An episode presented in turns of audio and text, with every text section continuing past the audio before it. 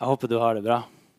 At du kjenner at det er godt å være her med familien, den åndelige familien, det fellesskapet. Og så håper jeg du har forventning til Guds ord. Jeg har eh, lada opp til den gudstjenesten her med å feire en eh, kollega sin 30-årsdag på fredagen. Så det var utrolig spennende å være på karaoke. Det var utrolig kjekt. Eh, han, eh, det, det, er jo veldig komisk. Han ønska seg drikking i 30-årsdag. Så eh, da fikk jeg lov til å eh, kose meg med masse Munkholm og alkoholfri eh, ingefærøl. Og så gaula jeg for full hals til eh, Åge Alesa Andersen leva livet. Så det Lam med en trønder, så det var en tribute virkelig som var uunnværlig. Og det, det, er kjekt også da å få lov til å ha samtaler med kollegaer der de er sånn Ja, hva du, hva du skal gjøre i helga? Altså, hva du skal gjøre? Nei, jeg skal nå forberede preiken på søndag. så det er sånn, det, det, Du får veldig mange interessante samtaler da. Så jeg husker når jeg gikk der fra eh, Storgata camping i sånn ett-tida på, på, natta. Så bare ah, 'Takk for i dag.' Så bare ah, 'Lykke til på søndag!' Og så det, Men det er kjekt å få lov til å være i verden og få lov til å, å eh, Med den trua man har, kunne komme inn i sånne samtaler som kanskje kan så et lite frø her og der, og så vet man aldri hva som eh, det kan eh, bringe til. Så jeg vil oppmuntre deg til å være frimodig med, med trua di. Ok. Eh, sånn har jeg òg lada opp til eh, denne eh, preken. Men jeg har også lyst til at du skal kjenne at du vet godt hvem Johannes er. Du kjenner meg kanskje fra før, de aller fleste, at jeg er med her i lederteamet og eh, er skikkelig fan av av Tromsø, av Nord-Norge. Og så vet jeg kanskje ikke om du kjenner helt til den sida av Johannes som har eh, eh, er da eh, gått inn for å liksom være litt romantisk, så jeg spurte Kristiane om vi skal dra på en koselig date på mandag. Eh, og den daten jeg har lagt opp til, det er da å prøvekjøre den bilen der.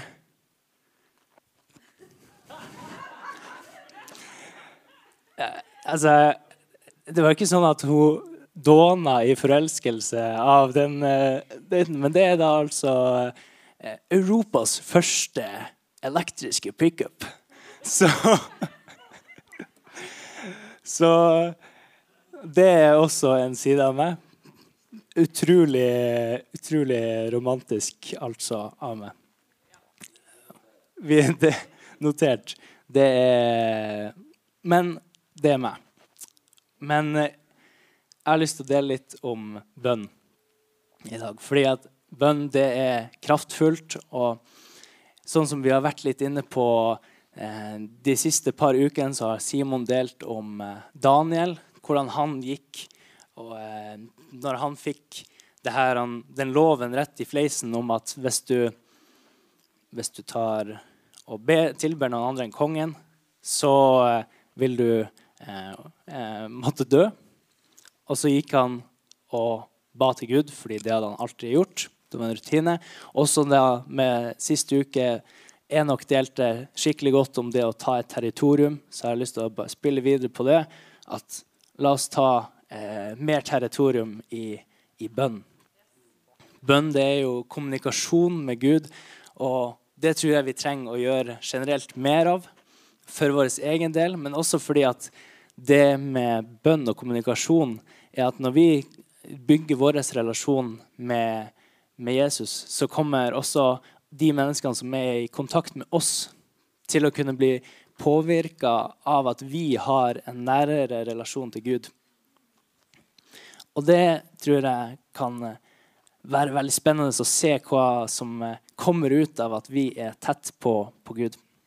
Så jeg ønsker at du skal sitte igjen etter preka mi med med Prøve å være litt lærer og sette opp noen punkter som du kan eh, tenke at dette skal jeg sitte igjen med.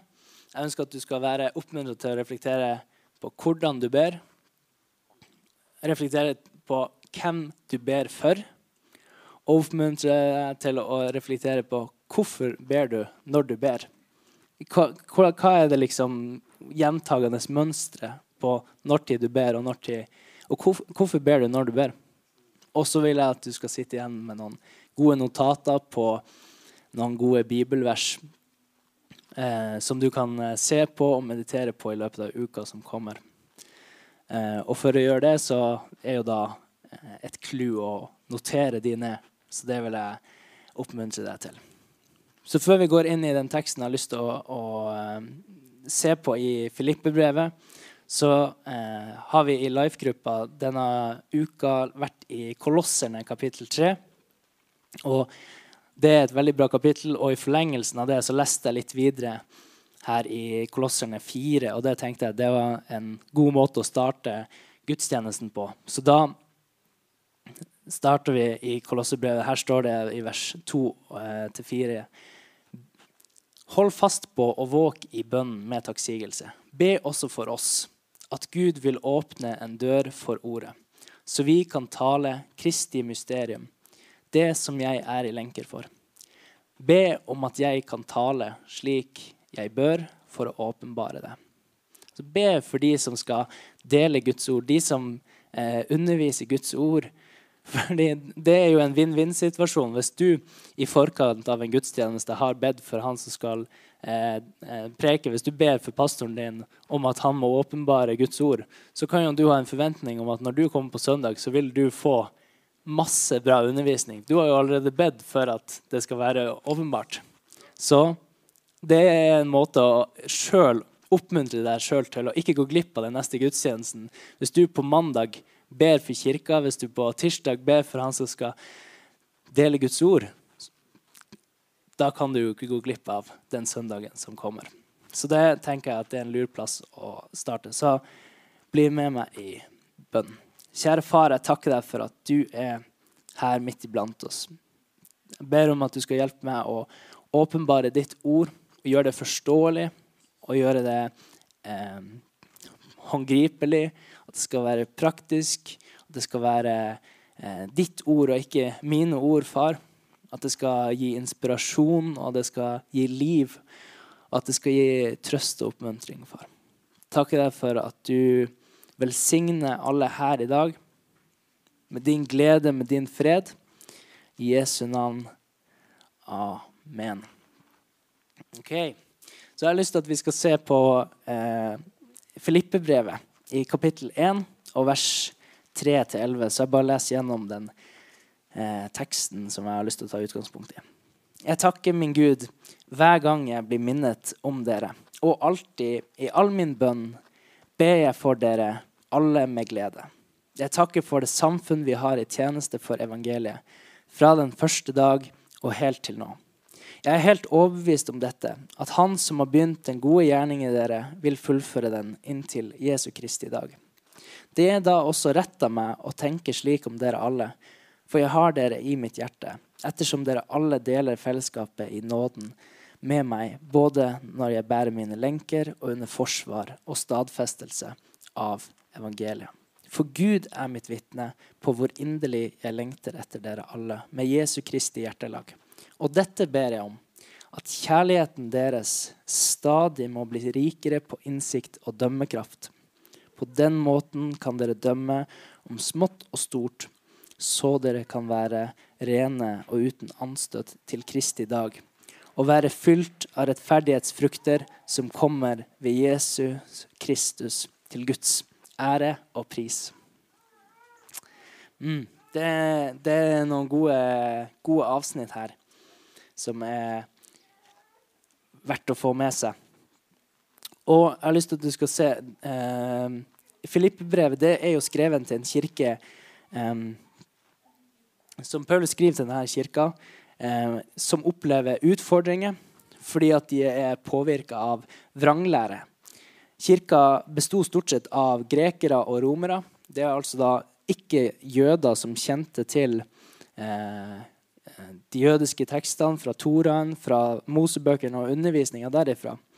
Jeg vet ikke med deg, men jeg kan i hvert fall fort se for meg det her at hvis jeg sjøl kjenner at jeg ikke har sånn lang erfaring og masse bakgrunnsinfo rundt, eh, og kjenner at jeg har masse erfaring og livserfaring Hvis det da kommer noen, og jeg møter noen som virker veldig fornuftig, og har mer livserfaring, så kan det jo være veldig naturlig for oss mennesker å tenke Oi, du høres klok ut. Du, du, skal, du, du har, har sikkert mye bra å si, så jeg tror på det du sier. Og det er jo vel og bra. Vi skal absolutt høre på de som er vis. Men det som er enormt viktig for oss som kristne, er at vi må huske på at det vi får av menneskelig visdom, det må vi huske å filtrere på Jesu liv og Guds ord, sånn at vi får eh, Og det gjelder også for oss som underviser her. Når jeg står her og underviser, så prøver jeg å legge frem Guds ord så godt jeg kan, men, men hvis jeg sier noe feil, så må det være viktig at vi kan eh, avsløre det på en måte. At vi, vi, tar det som er bra, det som er sant, det som er Guds ord. Det er til inspirasjon. Også det som lander litt for kjært, det eh, tar vi ikke med oss inn i livet. Det er viktig å huske på. Så da altså for denne kirka som er midt i utfordringer og motbakke, så skriver Paulus det som er et brev med, fylt med glede. Jeg håper du kan ta deg tida til å lese litt gjennom Filippe-brevet og se at det er, det er, en sånn positivitet fra Paulus. Det er en sånn glede, det er en sånn eh, visshet om at Jesus er konge. Dette går bra. Det er fylt med glede. Og det er midt i en sånn her eh, utfordrende situasjon. Spesielt i vers 6 her så står, skriver Paulus det her at jeg er helt overbevist om dette. At han som har begynt den gode gjerning i dere, vil fullføre den inntil Jesu Kristi dag. Så i en kirke der det er litt utfordringer, det trengs å gjøres litt korrigeringer er så, Jeg kjenner meg igjen det er så menneskelig. Hvis det er noe som er feil, så kan man liksom si eh, 'gjør sånn' eller 'ikke gjør sånn'. Eh, oppfør deg på den måten. Si, snakk sånn her, ikke snakk sånn her. Men det er ikke en sånn type relasjon Gud er ute etter mellom meg og, og, og Gud. Mellom deg og Gud. Han ønsker en relasjon til deg. En kjærlighetsrelasjon. Og det har, den åpenbaringa har jo åpenbart åpenbaringa har åpenbart seg for Paulus her. Fordi det er ikke de reglene vi klarer å følge, og de tingene vi gjør, som tar oss nærmere Jesus. Men fordi vi drar oss nær til Jesus, vi bruker tid med Jesus, så vil hans relasjon, vår relasjon imellom, endre vår væremåte. Vår måte å snakke på og vår måte å be på. Så de her avsporingene som kirka strømmer til tross, så ber Paulus her i glede. Jeg takker min Gud hver gang jeg blir minnet på dere, og alltid i all min bønn ber jeg for dere alle med glede. Og denne at, at det er han som har begynt den gode gjerninga. Han skal fullføre den. Den vissheten om at ok, her er det noen utfordringer, her er det noen korrigeringer. Men det er Jesus som har gitt oss troens gave. Jesus vil fullføre det han har begynt. Det er hans verk. Det at vi har fått tro, det er en gave. Det er av nåde. Og det er Jesu verk. Det er ikke noe vi har fått til, men det er Jesus som har gjort alt. Men denne gleden i, i bønn, i utfordringen, det, det, kjenner jeg at det rører noe med i meg. Fordi jeg har kjent på det her sjøl. Og det utfordrer. Fordi at jeg kan være småhissig av meg. Småsint. Men det er jo egentlig dypest sett i kjærlighet. Det er noe jeg har arva av pappa. Fordi eh, de gangene jeg har sett pappa kanskje sintest på meg, er de gangene han kanskje har vært mest redd. Det har vært i situasjoner der han har vært utrolig redd for meg. Det var en gang jeg husker jeg eh, eh, krasja ATV-en eh, hjemme på, eh, utfor hjemme på småbruket, holdt jeg på å si. Det er jo ikke et småbruk. Gårdsplassen heter det. Hjemme på gårdsplassen. Og jeg knekker av en sånn verandastolpe som er todelt. Sånn at hvis det her er toppen, da, så knekk bunnstolpen av. ATV-en tar bunnstolpen av, så står toppstolpen igjen. Sånn at jeg var liksom en ja, 20-30-40 cm unna liksom, Hvis ryggen min hadde truffet den stolpen som sto igjen, så hadde ikke, det hadde ikke vært noe godt, for å si det sånn. Men det er, en, det er en annen historie, da. Men da husker jeg at når jeg hadde krasja ATV-en og kommer liksom klatrende frem bak ATV-en, og pappa kommer springende ut og bare Hva er det som har skjedd? Så ser du bare en sånn, det er en sånn sinne, men i en sånn, i sånn redsel fordi at han elsker meg. Han er, er, så glad i meg. En sånn type sinthet, den, den kan jeg kjenne meg igjen i.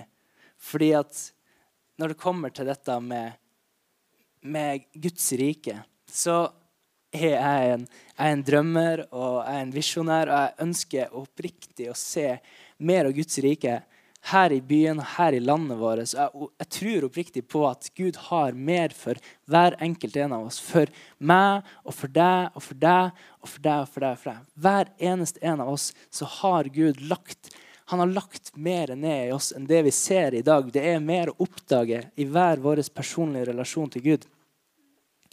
Så denne søndagskvelden for et par uker siden så er dette det som ligger på hjertet mitt. Jeg kjenner at det brygger opp en, sånn, en sorg og en desperasjon etter at jeg har lyst til å se mer av Guds rike. Jeg har lyst til å se mennesker i vår generasjon eh, bli satt fri. Bli satt, eh gitt frihet for å oppleve i vår tid at det er enormt masse som drar oss frem og tilbake, og frykt og, og lenker egentlig altså I Gamle Testamentet så er det jo mye krigsspråk. Men kanskje i vår tid så er det litt vanskelig å connecte til de her krigshandlingene. Nå er det jo relaterbart for veldig mange deler av eh, eh, verden, men kanskje ikke for oss at vi er veldig velsigna at vi bor i en, et fredfullt land. Men allikevel, her, den krigen som allikevel foregår i det åndelige, den er reell. Og de lenkene, de de psykiske lenkene kanskje, som enda mer påvirker våre deler av samfunnet. Jeg kjente at det, det bringte frem en sånn skikkelig stor sorg i meg. Jeg kjenner at jeg ligger der ved, i senga og, og uh, maser på Jesus. At nå må du gripe inn. Der, nå går det rett vest. Du, kirken kommer til å bli stengt, og vi må legge ned. Jeg kjenner at det er en, det er en sånn sorg for at, å se flere mennesker bli satt i, i sann frihet og tårer presser på. Og tenker nå skal det sørges. Så da gikk jeg og henta Bibelen min og åpna opp klagesangene. Det er jo utrolig god plass å starte. Åh, perfekt. Og det som er utrolig bra med denne bibelen, her, det er den uh, fokusbibelen som kom ut nå for ikke så lenge siden. Den, har, den har veldig mange gode introduksjoner og forklaringer, men den har også noen nøkkelvers. Sorry, jeg bare har noe i øyet.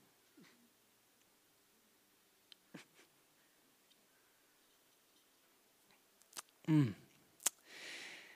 Så eh, jeg åpner klagesangen og tenker nå, nå skal jeg finne noe å bæse på. Nå skal det klages, Jesus. Blar opp, og så blar jeg opp til klagesangen kapittel 3. Og der har selvfølgelig Fokusbibelen ett nøkkelvers de har utheva. Det er det nøkkelverset her i klagesangene 3, 22-23. Og mens jeg driver der og klager på at Jesus, nå må du gjøre noe, ellers så kommer vi til å legge ned og alt blir stengt, så leser jeg at det er Herrens miskunn, at det ikke er ute med oss. For det er ikke slutt på hams, hams, på hans barmhjertighet. Den er ny hver morgen. Stor er din trofasthet. Jeg kjenner bare På ett vers der så kommer Gud og bare poker meg i skuldra. bare sånn Ja, er det mer du skal klage på? Jeg kjenner med en gang at denne hans bønnen i fortvilelse og sorg blir snudd på, på ett vers, og kjenner at Wow, fytti grisen, hva er det lille meg driver på med her?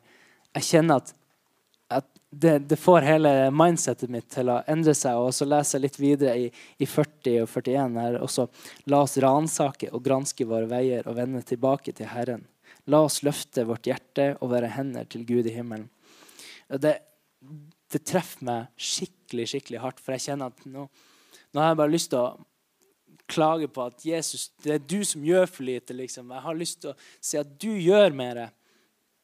Og så kjenner jeg liksom at wow, men du har jo gjort alt. Du er trofast. Du har kontroll. Jeg kjenner at denne bønnen som starter som frustrasjon, bare endrer liksom på ett vers. Kjenner at wow, takk, Jesus. Du er kongenes konge. Du er herre. Du er mektig. Og du og dine veier, du, du har kontroll. Og, denne, og jeg kjenner bare at for min egen del og jeg må ransake og granske mine egne veier og vende tilbake til Jesus sjøl.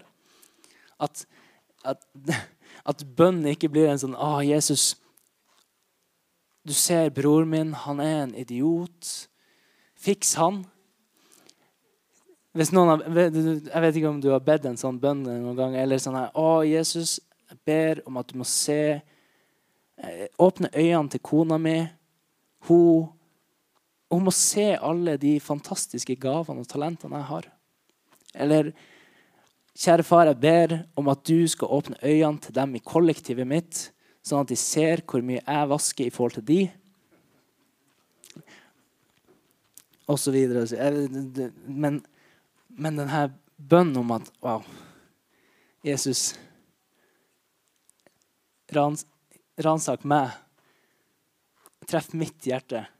La meg få være de hendene og føttene som når ut til min bror, og, og er kjærlig mot han istedenfor å gi han eh, en kald skulder hvis jeg føler at han fortjener det. La meg være den endringa i kollektivet istedenfor å svare med samme mynt. La meg få vise din kjærlighet. Og kjenne at det her blir den, den bønn som, som må være grunnlaget at vi har, har, en bønn som er fylt med glede og i visshet om at Jesus, han er konge. Jesus, han har kontroll. At det når oss dypt inn i hjertet at det er han som har kontroll. At han har lyst til å endre vår relasjon. Vi drar nærmere Jesus, så vil han endre mennesker i vårt liv fordi at vi er de som er den forandringa i livet. Jeg kjenner at denne måten å, å, be på, som også Paulus gjør her, til en, en kirke som er, er, i vanskeligheter, en kirke som har utfordringer at Jeg er helt overbevist om dette, at han som har begynt den gode gjerninga i dere, vil fullføre den inntil Jesu Kristi dag. Det er Uansett omstendighet så ber vi til Jesus, han som er kongenes konge, han som er frelseren. Uansett utfordring så er det Jesus som er løsninga. Uansett hvor lang motbakke du måtte gå i, så er Jesus trofasthet mye lenger enn den. Fra, fra evig tid til evig tid. Jesus har også gitt oss denne troens gave, som er begynnelsen. Han starta det, han vil fullføre det. Og når vi lar det synke inn, og lar det kjenne at det er hele grunnlaget, så gir det oss et grunnlag for å be i frimodighet, men også i glede. fordi at i de utfordringene, i de omstendighetene vi måtte møte, så vet vi at men dette er ikke jeg som skal få til. Det er ikke jeg som skal endre noe. Men Jesus, jeg ber om at du endrer meg. Endrer mitt tankesett, endrer min måte å være på. Ta meg nærmere deg, sånn at vår relasjon er med å endre de rundt oss. La meg vise deg det her som eksempel i salmene. Det er utrolig interessant, syns jeg. At det er jo eh, bok for bønn. Og når jeg skal dele om bønn, så er det jo bra å gå inn i bønnens bok. Og hvis du ser på her, så jo, har jo jødene fått eh, Mosebøkene, som det heter Tora. Og det betyr undervisning. Og salmene det kan oversettes til ny undervisning om bønn. Og det er altså bra greier å ta med seg i vårt bønneliv. Og hvis du deler salmene, De kan deles inn i fem hovedbøker. og De har ulike forfattere og skrevet i ulike tider med ulike tema. Men i alle de her fem hoveddelene så avsluttes de utrolig likt. Første del, fra Salme 3 til kapittel 41, så ser vi at det avsluttes i 41, 14. Lovet være Herren, Israels Gud, fra evighet til evighet. Amen og amen. Del 2 avsluttes i kapittel 72. 18 vers 18 og 19. Lovet være Herren, Israels Gud, Han som alene gjør underfulle gjerninger. Lovet være Hans herlige navn til evighet. Hele jorden skal fylles av Hans herlighet. Amen. Ja, amen. Bok 3 avsluttes i kapittel 89, vers 53. Lovet være Herren i all evighet. Amen og amen. Og bok 4 i 106 i vers 48. Lovet være Herren, Israels Gud, fra evighet til evighet. Og hele folket skal si amen, halleluja. Og siste boka avsluttes egentlig med, med fem lovprisningssalmer i eh, 146, 47, 48, 49 og 50. Så starter de siste fem eh, salmene med halleluja og de avsluttes med halleluja. Fra hebraisk så betyr halleluja eh, pris Gud. Tilbe Jave. Tilbe Gud. Det er altså denne røde tråden gjennom salmen, den undervisninga i bønn. Når det kommer ny undervisning om bønn, og så ser vi at uansett omstendighet, uansett hvordan tid Det er, er bøker som er skrevet under eh, trengsel, og når Israel er i eksil, og det er når Israel er er, har kong, kong, David, og det er seier, og det er rikdom, og det er når det er trengsel I alle her omstendighetene, i alle her tingene, så er det denne røde tråden at uansett lovet være Herren, Israels Gud, fra evighet til evighet. Det er vår måte at det er, det er en bønn uansett tid, og omstendighet, utfordringer så be med den vissheten om at han skal ha all ære, han skal ha all pris. Det er han som har begynt den gode gjerninga i våres, og han kommer til å fullføre den. Og på den samme måten her, da, når jeg har lyst til å slå et slag for mer bønn, så det er viktig at det ikke lander i, i hjertene deres som en regel. Sånn som eh, eh Daniel, f.eks. Når man leser der, så står det at han ba tre ganger daglig, som han gjorde da han ble berga fra løvehulen, som vi hørte for et par uker siden. Og det er liksom det at Målet mitt er ikke at du skal ha et bønneregime for å fylle opp en, en, en kalender som viser at jeg har bedt så og så mye. Det kommer til å gi frukt, definitivt. Men jeg har lyst til at det skal være en oppmuntring til mer bønn, fordi at bønn i seg sjøl er kraftfullt. Fordi at den relasjonen vi drar oss nærmere til Gud gjennom bønn. Og når vi kommer nærmere Gud, og vi forstår mer av han, hans plan og hva han har for oss, så kan vi bli frimodige i måten vi ber på. Fordi gjennom bønn så skjer helbredelse, og gjennom bønn så endres hjerter. Gjennom bønn så rekalibrerer vi oss til Guds sitt hjerte. Rekalibrering som sier mindre av meg sjøl og mer av deg, Jesus. Mindre egoisme og mer av hans kjærlighet. Bare heng med. Klar å være litt kreativ. Tenk på alt som kan skje i Tromsø, i Norge, hvis vi som kristne tar litt steg i bønn og, og lar bønnelivet vårt være prega av at vi ber i glede og visshet det, er derfor jeg tok opp det punktet med å reflektere. Når er det du ber? Hvorfor ber du når du ber? Fordi at det er en refleksjon rundt OK, når er det egentlig jeg kobler meg på Jesus?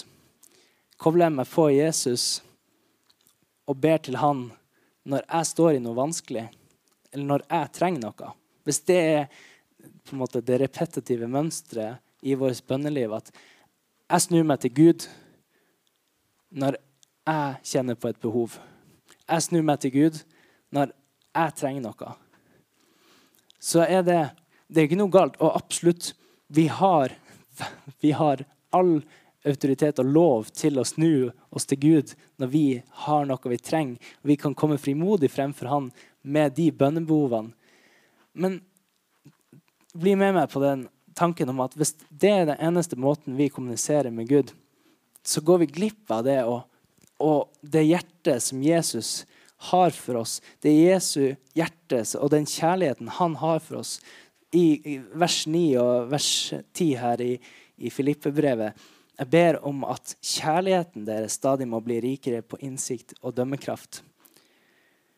Denne kjærligheten, Jesu Kristi kjærlighet, den gjør at vi, vi ser ok, hvordan kan vi be? Hva trenger vi å be om? At vi åpner hjertet vårt for ikke bare hva er mine bønnebehov, men hva ønsker jeg Jesus at vi ber for? Det tror jeg er enormt kraftfullt. Hvis vi, vi begynner å reflektere, hvis vi begynner å eh, liksom, eh, ta tak i oss sjøl når vi ser liksom, okay, hva er liksom mønsteret i vårt bønneliv At vi endrer mindsettet rundt bønn til at Jesus han er den som fullfører det han har begynt. Så vi kan be frimodig til han. Men også det at vi har denne vissheten om at vi har lyst til å kalibrere oss til Jesus fordi at det at vi får den relasjonen tettere på han, så vil vi også bli rikere på innsikt og dømmekraft. På den måten kan dere dømme om smått og stort i vers 10 og vers 11, så dere kan være rene og uten anstøt til Kristi dag og være fylt av rettferdighetsfrukter som kommer ved Jesus Kristus, til Guds ære og pris. Så den, I den relasjonen der vi elsker Jesus og vi lar ham få plass, så kan Den hellige ånd, eh, som bor i hjertene våre, gjøre nettopp de ting som Paulus beskriver her at sann kjærlighet gjør. At vi, vi klarer å dømme om smått og stort. At vi ser OK, men kjenner at OK, det han sa, det de sier der på NRK i dag, er, er, det, er det sannhet, eller er det er det noe som vi kan bare la skylle over, fordi at det ikke er aligned med Guds ord. Hva som er sann sannhet, det finner vi i Guds ord. Og det er så utrolig kraftfullt hvis vi lar Den hellige ånd få plass i livet vårt, sånn at vi kan i større grad skille mellom ok, men de her tingene som blir sagt, det er i, i i kjærlighet, en, en, ting som setter oss fri, eller om det er verdslige lenker som binder oss fast til trøbbel og til, til utfordringer. Måten å leve livet vårt på kommer ikke ved regler og måter å gjøre ting på gjennom lover. Men fordi vi kommer nærmere til Jesus, så vil den relasjonen endre måten vi bruker, bruker tid på, eh, og måten vi ber på og vi lar det være fylt av glede og takknemlighet, så vil det endre relasjonene våre, samtidig som det endrer relasjonen til Han. For hans godhet og alt han gjør og Det kommer til å endre måten vi ber på for de kristne rundt oss. Litt sånn som i Kolossebrevet, at hvis vi ber for andre kristne og de, har ikke skjønt det, de må fikse de Jesus. Så heller be på en måte som at Jesus jeg, jeg er ikke perfekt. Jeg takker deg for at du elsker meg så at du har gitt meg du, du ga meg et nytt liv av nåde. Hjelp meg å, å være et lys for deg. Hjelp meg å være, gå på din vei, sånn at jeg også kan være et forbilde for andre kristne. Hjelp meg, Gud, å se hva som er rett, og hva som ikke er rett. Hva som ikke er bra for meg og de rundt meg. Måten vi kan be for pastorene våre, for kirka vår, For de som går i kirka vår, det fellesskapet her, så kan du lese sjøl videre i Filippe-brevet om det samfunnet som vi kristne kan, kan ha da, når vi kommer sammen i en ånd av frimodighet, når vi kjenner at dette er den ånd vi har lyst til å be i. Vi har lyst til å be i en ånd for å rekalibrere oss sjøl og komme tettere på Jesus. Så påvirker det relasjonen oss imellom. Og det tror jeg virkelig kan skape et skifte i vår by, vårt land og i vår generasjon. Amen. Jeg tror eh, jeg skal runde av der, og så kan lovsangerne komme opp.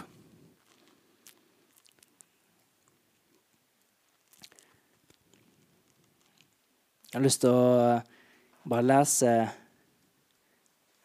første Filippe-brev, kapittel 1, vers 9, 10 og 11 igjen.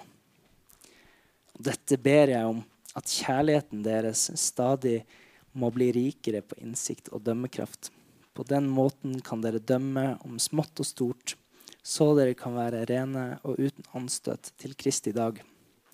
Og være fylt av rettferdighetsfrukter som kommer ved Jesus Kristus, til Guds ære og pris.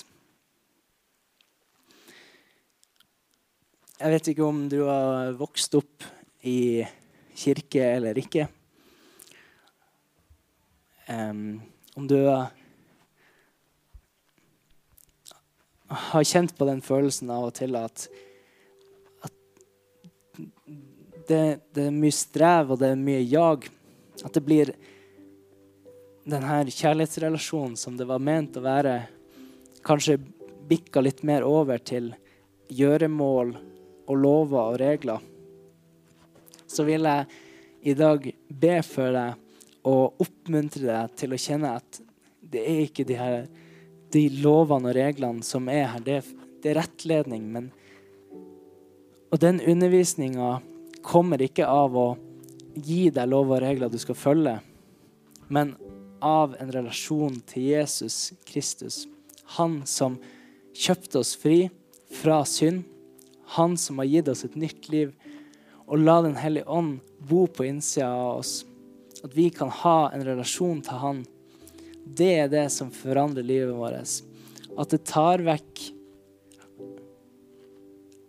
lovene og reglene som et mas og jag, men kjenn at det er en relasjon jeg kan få lov til å gå inn i, som jeg vet vil gjøre endringer i livet mitt. I måten jeg møter mine kollegaer på, i måten jeg møter de rundt meg, i mitt mindset men også måten jeg ber på. Så jeg har lyst til å avslutte med en bønn. Hvis du eh, Vi kan eh, ta og reise oss opp, og så kan du ta og eh, lukke øynene dine også. Så skal jeg la deg få lov til å bruke denne tida nå når vi skal stå i lovsang her og tilbedelse etterpå og ransake våre egne veier og kjenne er, Jesus, jeg har lyst på en relasjon med deg. Jeg har ikke lyst på reglene og uh, lovene som kommer først, men jeg har lyst til at mitt liv skal være likt ditt liv, Jesus. Fordi at du er den som lever i meg.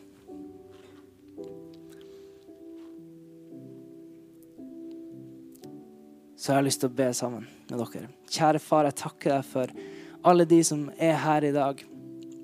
Jeg ber om at hvis det er noen her som kjenner på et, at relasjonen til deg, Jesus, har blitt et uh, press eller et, noe man må få til, og kjenne at det egentlig er mye som går i egen kraft, at det skal slippe taket nå, far takker deg for at du elsker hver enkelt en her i dag så uendelig høyt at du ga din egen sønn for å sette oss i frihet. At vi kan bare ta imot ditt verk. At du har lyst til å ha en relasjon med oss. En relasjon som forandrer de menneskene vi er i kontakt med, men også oss sjøl. Ber for hver enkelt her i dag, og at de skal kjenne at det er en, det er en frihet av, av, innsikt i at Jesus, du, du er frelser, du er løsninga. Du er den som starta dette verket i hver enkelt en her. Du kommer til å fullføre det. Jeg ber for alle sammen her at de skal være fylt av din fred, av din hvile. Kjenne at ditt ord, det er sannhet. Og at relasjonen til deg, Jesus, det er den som fyller vårt liv. Og endre vår måte å, å leve på, endre vår måte å tenke på og endre vår måte å be på, far. Takke deg for frimodighet i ditt ord. Ikke fordi vi må, men fordi vi vil, fordi at vi blir fylt av glede, av kjærligheten du bærer på. At vi skal være rik på den til å dømme om smått og stort, far. Takk deg, far, for at du er konge i alltid, evighet. Du har kontroll. Du velsigner hver enkelt en her i dag, far. I Jesu navn. Amen.